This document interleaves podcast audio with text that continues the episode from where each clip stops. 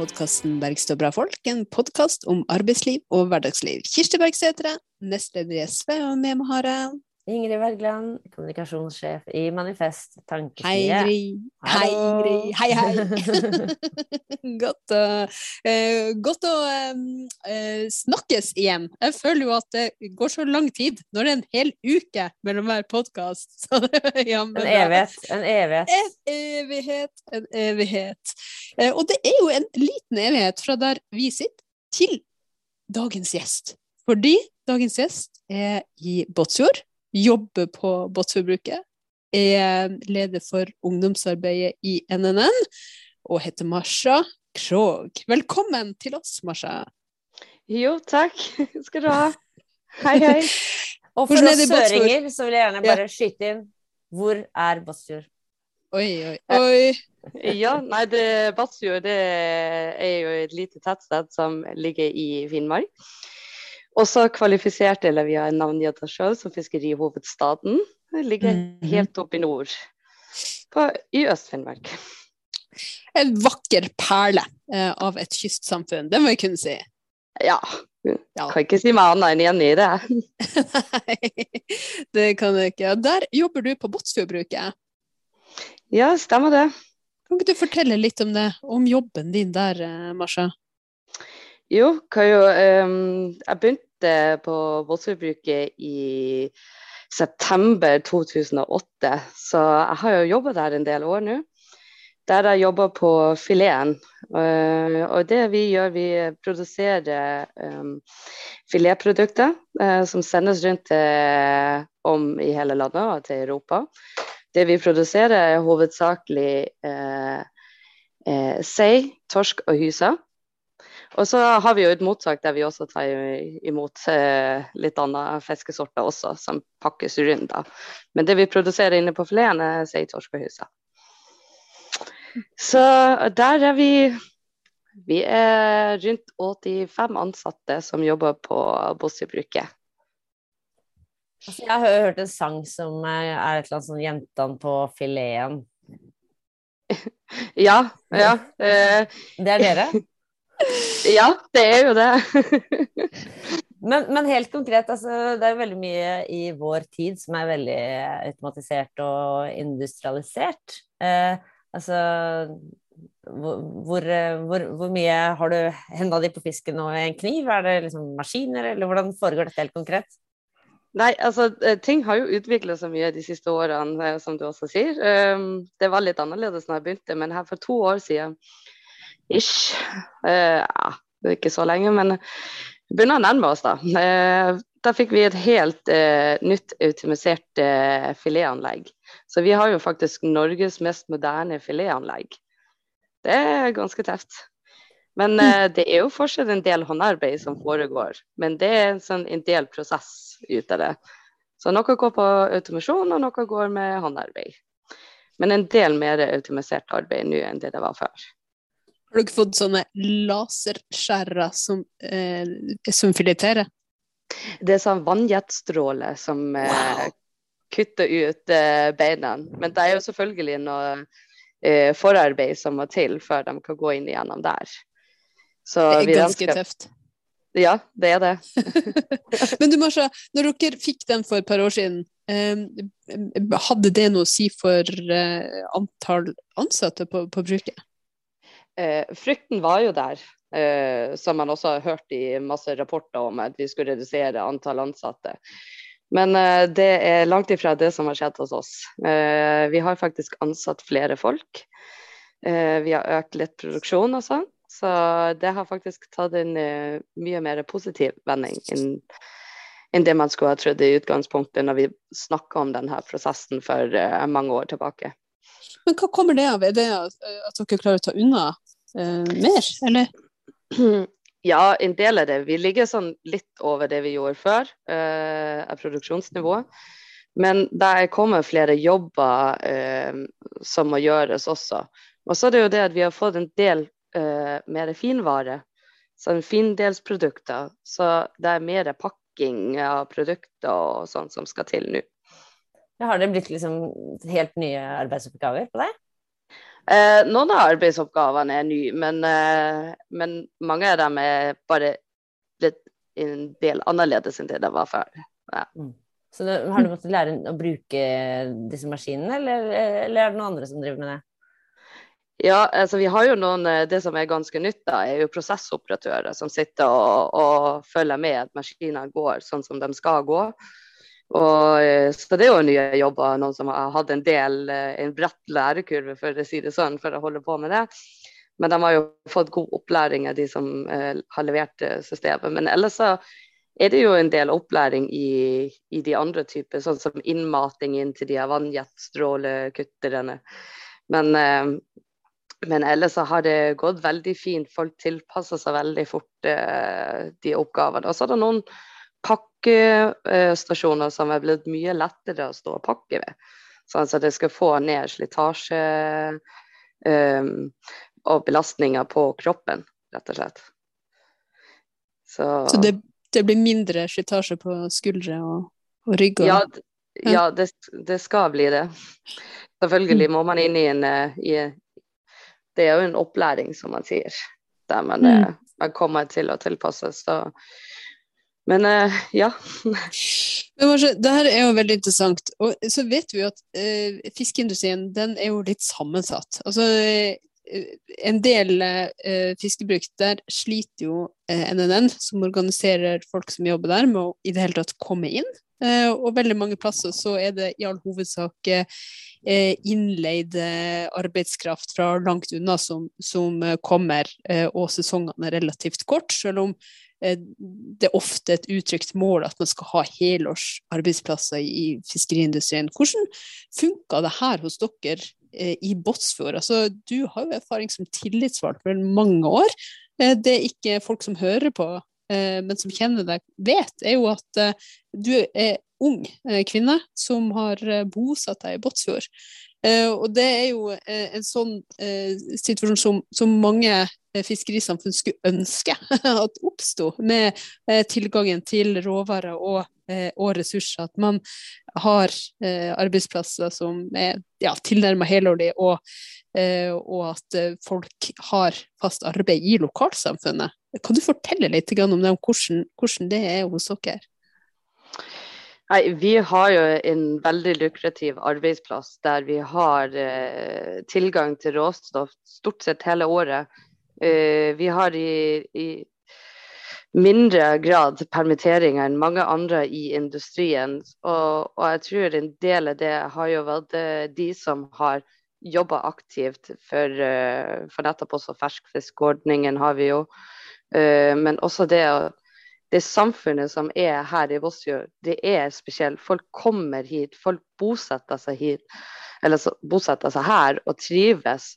Og folk eh, Vi har liten grad av folk som bare kommer i en liten stund, og så drar dem, og så Folk velger faktisk å, å, å bosette seg. Så um, men det er jo klart en, en, stor utfordring for de som ikke har tilgang til råvarer hele året at man ser enorme mengder med, med innleie også. Det, utfordringene eh, blir jo som sagt altså Det blir vanskelig å sammenligne eh, andre eh, altså, andre fiskeindustribedrifter når det er de ikke har tilgangen til råvarene. Så, så er det der at eh, mange arbeidsgivere sier ja, nei, har vi en sesongbasert, så velger man heller å leie folk inn i en kortere periode.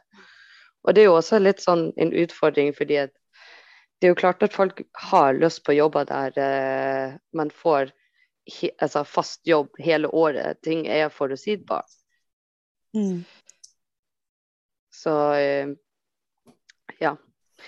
Det, det er jo noe en annen kjemper veldig for å, å, sette fokus på. Og det er jo også det å drive seriøst er jo også utrolig viktig for eh, at folk har lyst til å, å forbli ansatte. For hvis du kommer og jobber hos en som ikke er interessert i å drive seriøst og, og bare utnytte de uh, folkene man har, eller driver med mye innleie, ja, men så får du ikke den effekten som er på de bedriftene som faktisk uh, har suksess, og faktisk har ansatte som vil bli. Hvor mange er dere på bruket ditt, da? Ja, er så rundt 85 fastansatte. Ja. Men er det mye innleie hos dere òg, eller?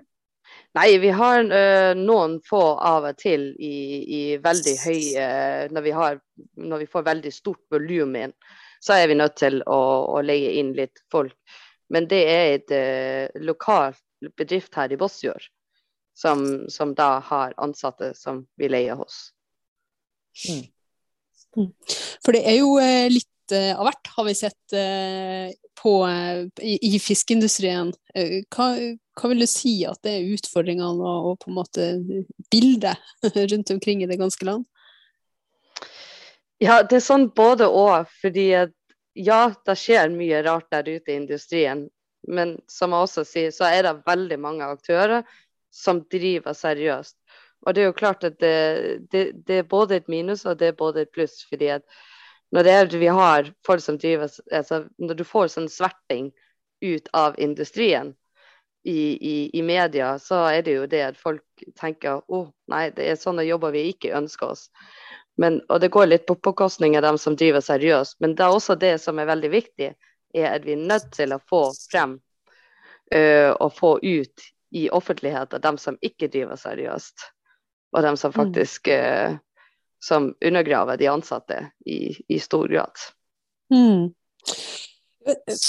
Og der er det jo litt interessant, fordi dere har jo i NNN eh, nettopp hatt landsmøte. Eh, jeg har fulgt, ja. eh, fulgt, med på det, både, både, på nett og også vært innom og lytta til, til, debattene. Eh, og der var det jo både diskusjon om innleie, og forslag om hvordan innstramminger man, man burde ha det. Eh, men jeg hørte jo også eh, et ut av dine innlegg, du var jo flittig oppe på talerstolen, vi må si det, Marsha. ja. handler om fagarbeidere og hvordan man skal sørge for at ungdom ser muligheten som fagarbeidere innenfor næringsmiddelindustrien som NNN organiserer folk i. Ehm, hvordan eh, var diskusjonene rundt eh, de her temaene på, på landsmøtet, og hva, eh, hva, hva, opplevde du at, at, var de viktige stemmene fra de tillitsvalgte som var til stede der, sin, sin hverdag? Ja, øh, jo det stemmer. Vi har jo en utfordring i forhold til det her med, et, med rekruttering av arbeidskraft inn til vår industri. Eh, og vi ser også, som sagt, det, det, går jo ikke bare på våre fag, men det går på flere yrkesfag. Og, og, og sånt, at det er stort frafall på skolene. Eh, og vi ønsker jo at uh, folk i, i, Vi ønsker jo å rekruttere til Vi skal jo hilses og sies at uh, eh, NNN de organiserer alle dem som jobber på Norges største fastlandsindustri. Mm. Og eh, er det noe også pandemien som har vist oss, så er det jo det at, eh, at vi er samfunnskritisk. Eh, vi har fått det, det å være samfunnskritisk. Ikke det at vi aldri altså Vi har jo alltid vært samfunnskritisk, men det har bare kommet mye, i, i, mye større grad frem at vi er det. Og det er jo klart at Hvis vi skal klare å, å, øke selvforsyningsgraden, som også er et av de temaene som også har vært nevnt også på uh, Stortinget, at vi skal, uh, uh, så er det jo det at da må vi også klare å gjøre de her industriene, vår næring, attraktiv for unge å søke seg inn til. Og, og så er det jo det at i tillegg, som også var oppe på talerstolen og snakka om, det, det, blir feil når mange rådgivere eller studieveiledere uh, sitter og forteller en person som kanskje ønsker å studere én ting, men nei, det har du rett og slett for dårlige karakterer til. Uh, så det her må du bare glemme. Kanskje du heller bare skulle søke deg en jobb på fileten. Og det mm. her er et konkret eksempel hvor de knytter, og det har jeg hørt fra flere som nevner også i form av yrkesfag og sånt, at uh, de knytter lave karakterer opp mot industriene. Opp mot eh, de yrkene som, som, nettopp også er sånn som næringsmiddelindustrien. Og det blir man sånn litt provosert over å, å høre. At de gir folk et inntrykk av at når du ikke er god nok til annet, ja, nei, men så får de en jobb i matindustrien. Eller ta en annen yrkesfaglig utdannelse. Men det er jo det som også er et, det som ikke mange vet, er at du kan faktisk ta deg et fagbrev, eh, eller du tar studieveien. Så kan du videre også utdanne deg videre ut ifra det her fagbrevet, eller hva du eventuelt, hvordan du eventuelt skulle så, uh, komme inn. Uh, ja. Så du, du, altså du reagerer på, på, måten man fremstiller det å være fagarbeider innenfor uh, for en helt avgjørende og viktig næring for, for, samfunnet, og det å ha en spennende jobb i, i på fileten eller i, på meieri eller der deres medlemmer jobber? Ja, det er mm. rett og slett det. Men man mm. kan jo, være, man kan jo få dårlige karakterer fordi man kanskje ikke er så ja, eh, god til å lese eller skrive, eller at man er mer praktisk anlagt og sånn. Altså, så det, at det kan være, altså, være, bra å komme seg inn i en, en mer praktisk orientert jobb, da. Er, ja. er, det, er, det, en veldig velvillig tolkning av denne rådgiveren som du reagerer på? Ja, altså, det er jo alle, vi er jo alle sammen Gud, altså, For Guds skyld, det er veldig bra. Og uh, vi er alle sammen forskjellige. Og vi er alle sammen Det er behov for forskjellige mennesker i verden, og det er, det er veldig klart. Og ja, kanskje man er bedre anlagt til Eller man er bedre praktisk enn det man er teoretisk. Men jeg tenker, og det, det er også fint nok å påpeke det kanskje for en studieveileder mm. eller en rådgiver. Men gjerne ikke påpeke det at du har for lave karakterer. Du, slett, du sitter jo rett og slett og sier at noen ikke er smart nok til noe annet enn å gå jobbe på fiskeindustrien. Og vi trenger smarte folk som jobber i industrien og i næringene våre også. Man gjør jo det, og så trenger jo dem som eh, kanskje ikke har de høye tallene på karakterene, også høre hva de er gode på, eh, og heller bygge opp under det som kan være mulighetene eh, for Eh, for folk og ungdom hvis man klarer å treffe interessene deres. For det jeg hører mange si, det er jo at jøss, jeg visste ikke eh, at det her kunne være en yrkesvei for meg. Eh, fordi at man ikke har snakka om det som et uh, førstevalg, ikke sant? Som du sier, mm. at så er det sånn ja. Nei, men du har ikke gode nok karakterer til å gjøre det som vi alle forventer at ungdommene skal gjøre, så du, du, må velge noe annet. Og så blir det på en måte de som er veldig fine jobber eh, i lokalsamfunnene våre, en sånn B-alternativ. Og der, der, har man jo mye å gjøre for å snu statusen og vise ungdommer hva som er alternativene eh, som er veldig innenfor rekkevidde eh, der man bor eller i, eh, i, nærheten, sånn at man får rekruttert nok eh, entusiastiske unge fagarbeidere inn i, inn i de yrkene som sårt trenger rekruttering. Ja, helt klart. Og jeg tror hvis vi skal lykkes med det her, så må vi i større grad jobbe mer i lag. Både på arbeidsgiversida og vi som forbund, og så skolene også. Og så også at man får politikere med på laget for å fremme hva som er viktig. Og kanskje også tenke litt mer på hvordan skal man få frem budskapet om, om rekruttering inn til næringene. Hva er det vi trenger? Kanskje vi skal mm. jobbe sammen om det for å finne ut av de gode løsningene. Men det er jo veldig fint å, å høre deg fortelle om eh, ja, arbeidsplassen din og behov for rekruttering osv. Men, men det jeg syns man hører så mye om når man snakker om fiskerinæringen i nord, er at det er veldig mye fisk som ikke ilandføres, eh, eh, men som bare sendes til Kina og pakkes der, og så går vi på butikken og kjøper den, og så har den vært verden rundt et par ganger først. ja. Ja, det er jo altså en av uh, Det er jo klart en av utfordringene. Vi ønsker jo i mye større grad at det skal skje mye mer bearbeiding her i Norge. Uh, og spesielt på fisk. Uh, vi trenger mer landindustri. Det er jo også noe som skaper arbeidsplasser. Også igjen å få bygd opp Det er mange lokalsamfunn som kunne hatt godt og nytt godt ut av gode landindustri på fisk. Det, du ser hvor mye det gjør for et lite samfunn her som. At vi har to store fiskeribedrifter uh, som faktisk produserer enormt volum med, med uh, produkter. Men, uh, men ja. Men Var dette det, noe som var tematisert mye på landsmøtet, eller? Eh, det er et tema hver dag. det er ikke bare på landsmøtet. Men Asha, du har jo eh, i tillegg til å ha vært eh, tillitsvalgt tidligere i mange mange år på Båtsforbruket, så leder jo du sjølve ungdomsarbeidet til NNN. Eh, og det har jeg veldig lyst til at du skal fortelle oss litt, litt om. Eh, hvordan er det dere jobber med rekruttering av, eh, av, ungdom, og hvordan driver dere ungdomsarbeidet? Det er jo, sant? Du er jo kjempeengasjert for at man skal få større rekruttering og, og involvering av ungdom både i yrket og i, for så vidt i, i forbundet. Ja, Eh, jo, vi har jo eh, selvfølgelig har det vært litt annerledes jobbing nå de siste årene som det har vært eh, for mange andre. Eh, men eh, det, det, vi har Vi jobber Vi har eh, et sentralt ungdomsutvalg der vi har møter og der vi planlegger ungdomsaktiviteter.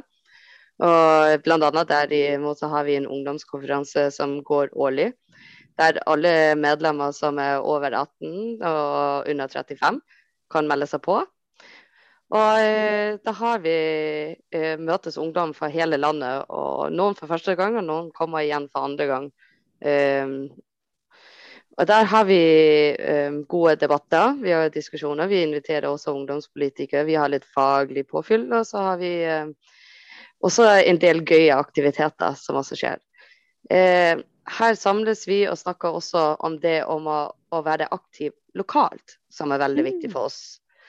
For vi har jobba nå Ungdomsarbeidet vårt eh, begynte for første gang i 2013. Så vi er inne i et sånn ganske fersk eh, ungdomsarbeid. Men eh, vi har jo vokst mye med årene og fått oppretta noen lokale ungdomsutvalg som da eh, blir vedtatt ute i avdelingene. Så det er avdelingene som spyr inn midler til det de skal holde på med. Men så driver de også aktivt med eh, skolebesøk, eh, noe som vi også skal ha fokus på. Eh, så har vi jo bl.a. LOs sommerpatrulje og lærlingpatruljen som vi også bruker å delta på. Og så er vårt arbeid da å, å vi sentralt, og jeg som leder, er jo det å bistå de her ungdomsutvalgene som er ute lokalt og jobbe for å få oppretta enda flere. For i dag så har vi ikke så veldig mange. Vi har hatt eh, noen som også har hatt litt frafall og sånn. Folk har flytta og folk har fått seg nye jobber. Så vi, det er noen av de som, eh, tingene som ligger aller høyest på lista vår nå. Eh, som forhåpentligvis ting begynner å forandre seg litt, selv om det ser litt eh, ikke så bra ut i forhold til smittetrykket. Men vi skulle ønske at vi skulle komme ut på litt flere bedriftsbesøk og, og få noen temakvelder der vi kan møtes og få, få starta opp flere lokale ungdomsutvalg. For er det noe som vi ser nettopp også på ungdomskonferansen vår, så er det der det er lokale ungdomsutvalg, så kommer det veldig mange unge eh, fra den regionen eller fra det fylket. Eh, så vi ser det har en effekt at ungdommer har en plass å samles. Folk diskuterer saker og jobber aktivt for å rekruttere gjennom skolen. eller bare det å snakke om fagbevegelsen til elever ute på videregående.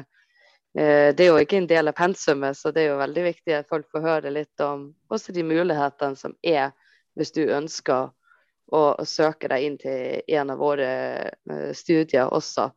Altså at du kan utdanne deg som fagarbeider i pølsemakerfaget, eller at du kan bli kjøttskjærer, eller ja. Uh, nei, så det er jo liksom de viktigste tingene. Det er jo å invitere folk til at de kan få en plass og få litt faglig påfyll om. Og det som også er veldig viktig, det er jo det å snakke om pensjon. Uh, vi bruker å kjøre temakvelder der vi har et litt lavere nivå på, på pensjon. Uh, altså et litt mer introduksjonskurs til pensjon. Mm. Uh, så det vil jeg også bare nevne litt, at uh, vi i NNN Ung er jo veldig glad for noe som også var oppe på talerstolen på landsmøtet og snakka om OTP. Obligatorisk tjenestepensjon for første krone. Vi er jo veldig glad for det vi har fått det er kommet på plass, og det har allerede starta nå i 2022. Uh, det er jo det at mange i, i lavlønte yrker de, eh, de kommer gjerne dårligst ut på pensjon. Så, så det å få eh, den obligatoriske tjenestepensjonen for første krone betyr utrolig mye for de som jobber i vår næring. Eh, men ellers så har vi vi har også kjørt et, et sånn konferansekurs. Vi har jo, NNN har jo en trinnskolering der du går hvis du er tillitsvalgt. Men vi hadde kjørt her for uh, I begynnelsen av 2020 kjørte vi et uh, konferansekurs som varte én dag, som var en litt sånn lett intro til uh, arbeidsrettigheter og plikter i arbeidslivet og fagbevegelsens historie. Vi snakka litt om forbundet sin organisasjon og hva driver de på med, strukturen i organisasjonen, hvordan er det bygd opp. Og så er det hovedsakelig for lærlinger. Vi uh, i NNN har jo faktisk det litt uh, bra i forhold til lærlinger. De har jo et uh, fullverdig medlemskap, men betaler ingenting for å være medlem. Så lenge du er lærling. Det, det, er et godt tilbud. Ja, det er et godt tilbud. Det er jo ikke noen som sier nei til noe som er gratis. Men jeg skjønner jo at du som, som fagforeningskvinne og eh, ja, aktivist og tillitsvalgt gjennom mange år og sånn, er opptatt av pensjonen og skjønner at det er viktig å, å, å brenne for eh, det er for mange som er litt sånn obskure bokstaver med OTP og sånn, eh, med obligatorisk tjenestepensjon. Men, eh, men, er det unnskyld men er det virkelig er det, Skjønner unge folk at uh, pensjon er, er liksom en fengende viktig sak for dem? Lever ikke de fullstendig i sin egen lille unge boble og bare tenker sånn Nei, gammel, gammel, det skal jeg bli en annen gang. Det orker jeg ikke å tenke på da. Nei, men det er derfor jeg sier at jeg, eller det er derfor jeg mener jeg har et et ansvar, faktisk, for å gjøre den jobben. For å prøve å, å, få folk til å forstå hvor viktig det her er. For vi vet at det kommer til å bli krevende i fremtida. Og folk kommer ikke til å få den samme pensjonen som de som går av i dag. Så derfor er det utrolig viktig for meg å få andre unge til å forstå uh, uh, hvor viktig pensjon er et tema. Bra.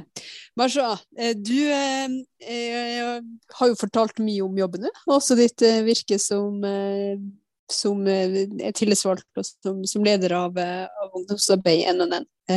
før vi går over på vårt faste spørsmål, så kan det hende at noen sitter her og tenker NNN. Hva var det nå det står for igjen? Kan ikke du klare opp det hvis noen sitter og lurer? Jo, kan, eh, jo, det kan jeg absolutt. Jeg kan godt skjønne at folk lurer. Eh, men eh, det er jo et veldig langt ord. Så derfor NNN, det står for Norsk næring- og nytelsesmiddelarbeiderforbund. Veldig langt ord. det burde innføres som en sånn der eh, du vet, sånn, sånne ordlek eh, når man prøver å øve på vanskelige ting å si eh, i skolen. Sånn Ibsens ripsbuske-greier. Eh, um, men det er jo et viktig ord å huske. Eh, ei, eh, viktig næring og et veldig tøft forbund. Vår tid går litt mot slutten, men alt starter jo en plass. Ja, vi har et fast spørsmål. Det er jo en spalte som eh, vi er veldig fornøyd med, for det dukker opp de rareste historier. Og noen ganger ganske vanlige historier. Så, og de er også de er like bra. og det er jo da Hva var din aller første jobb? Ja. Øh, ja, men jeg bodde jo i Danmark før. Uh, hadde en storebror som gikk uh, avisrute. Og uh, han hadde det egentlig en veldig, veldig fin rute som var i vårt boligområde. Og en rute som alle gjerne egentlig ville ha, fordi alle postkassene var nede. Du tenker deg fire etasjer, så han slipper å springe opp og ned de trappene hver dag. Så, eh, så når, han, eh, når, han, ble eldre og han kunne gi stafettpinnen videre, så var det jeg som fikk den avisruten. Hmm, en slags arverekke? Den gode ruta. ja, den gode ruta. du arva den gode ruta med postkassa nede. Men du, ja. apropos Danmark, det er en ting som jeg alltid syns har vært litt rart. Eh, og det er jo eh, aviser og Danmark.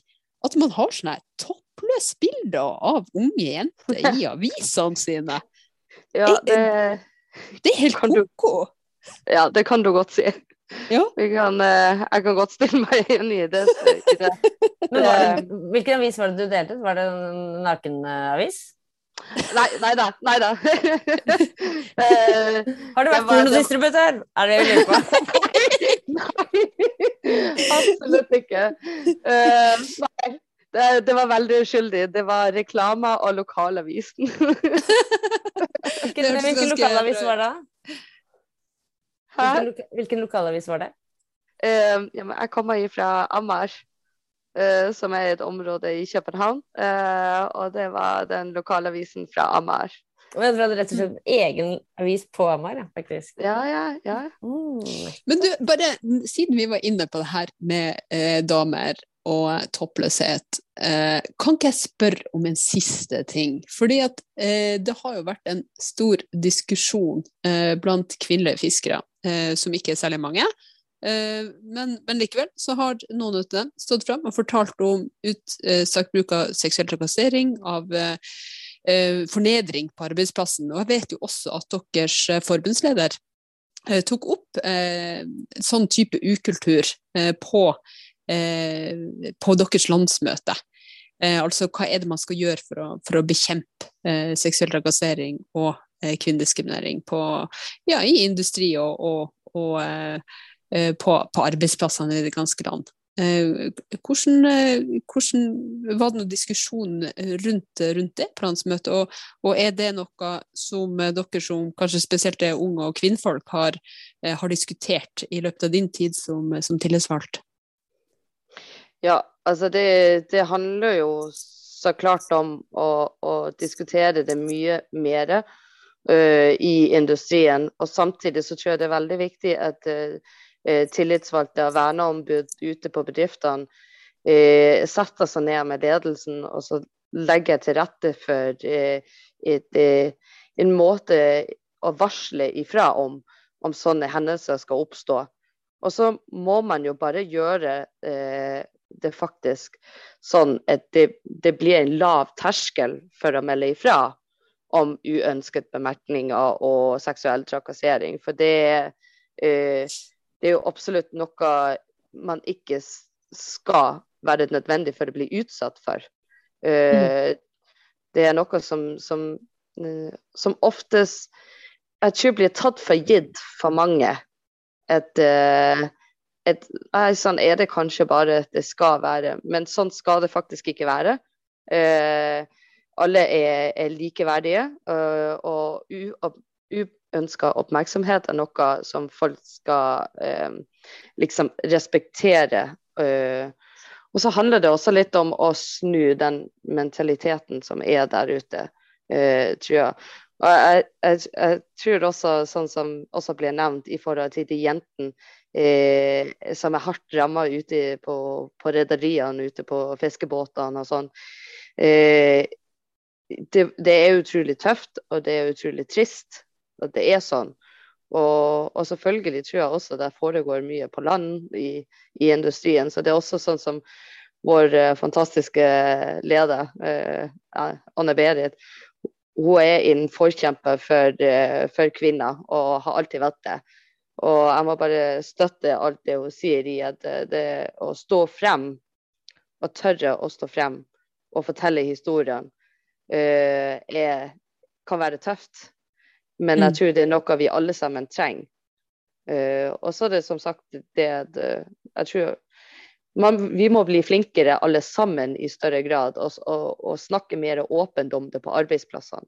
Og jeg tror vi jenter er nødt til å, å liksom lage et lavterskel, uh, en, en, plass der vi faktisk kan snakke om ting hvis man opplever noe. Mm. Og, mm. Mm, ja, nei, altså, Det er bare tilbake til det med at bedriftene også, ledere og tillitsvalgte, setter seg ned i lag med verneombud og så får på plass eh, litt sånn prosedyre for å behandle sånne saker hvis det skulle forekomme. Mm. Og jeg tror at akkurat det der med å snakke om det også kan lage noen terskler på hva som er greit og ikke på en arbeidsplass. Altså, la meg komme et eksempel. fordi at Jeg besøkte en arbeidsplass. Det var ikke, det var ikke noen NNN-organiserte. Men det var en veldig mannsdominert arbeidsplass. Og der møtte jeg tillitsvalgte som, som faktisk hadde på, på, sin hjelm hadde han en sånn puppebilde, altså en naken dame i bare overkropp. Jeg skal ikke henge ut hvilket forbund det her var, eller hvilken arbeidsplass det var. Men det syns jeg var veldig spesielt, og det er ikke, det er ikke lenge siden heller. At en tillitsvalgt i Norge med den største selvfølgelighet kan gå med en naken dame på hjelmen sin og tenke at han eh, fremstår som like mye tillitsvalgt for alle, uavhengig av kjønn på arbeidsplassen. Og det var ikke mange damer der. Eh, så hvis selv tillitsvalgte aksepterer at, eller, eller ja, tenker at her, her, skal man kunne objektifisere kvinner som den største selvfølgelighet, så blir det litt ekstra vanskelig å ta den kampen på, på, på jobben. Eh, så det å, det å, prate om det og gjøre det til et tema, det er nok et første steg de aller fleste plassene. Og der må vi bare berømme eh, Anne-Berit, lederen i NNN, for, for nok en gang å ta, ta kampen for alle. Absolutt. Ja, fordi det er jo, En ting er jo å sette seg ned og lage retningslinjer for varsling og, og, og, ha et opplegg for det og sånn, men, men, det er jo også en sånn Hvis, hvis det er en, en, en generell liksom, eh, ja, Skal man kalle det liksom en, en machokultur, da, hvor det er liksom mm. akseptert at man bare ja, kaller damer alt mulig rart og, og, som er liksom sånn småstikk hele tiden, som kanskje ikke nødvendigvis én og én kanskje ikke er noe å påpeke, ikke sant? En og en mm. av disse kommentarene er kanskje ikke noe man liksom Nei, dette tar jeg opp med tillitsvalgte nå, liksom. Men, men, hvis man øh, Ja, men hvis man da lever i dette over lang tid, så kanskje man blir ganske lei, da. Men, øh, men da kan jo nettopp det der å snakke om det og, og ha en bred forståelse av hva som hva, hva, hva, slags måte snakker vi om hverandre her på? Uh, hva er vi enige Hva er greit og hva er ikke greit, liksom? Det, det er jo en veldig viktig start, da. Mm. Ja, det, jeg kan ikke si meg annet enn enig. Det, jeg tror vi må bli mye flinkere til å, å, å snakke ut og snakke høyt. Og, um, men det starter nok der i de lavere samtalene, der man snakker med hverandre og kan lufte litt. Og, og kanskje man avdekker et, sånn som du også sier, det små bemerkninger, det små ting. Sant? Så kanskje man ikke tenker så mye over det. Uh, men så hvis man setter seg ned og snakker, så finner man faktisk ut at det kanskje er noe som pågår i mye større grad. Og så kan man begynne å snakke om en, om en, en gjentakende ting som faktisk ikke er uh, greit, og man faktisk må få gjort noe med. Mm, absolutt. Marsha, takk for at du ja. var med hos oss uh, i denne fine uh, samtalen, som jo strengt tatt kom innom litt av hvert. Eh, fra eh, fiskerihovedstaden Båtsfjord, eh, råstoff eh, og helårlige arbeidsplasser, innleie, stolte fagarbeidere, rekruttering, og ikke minst et avisbudoppdrag som ung som førte til en ganske fin samtale, også om kamp mot seksuell trakassering. Takk for jobben du gjør, og takk til deg som hørte på. Vi håper du fortsetter med det. Lik, del, abonner, og ha en deilig dag.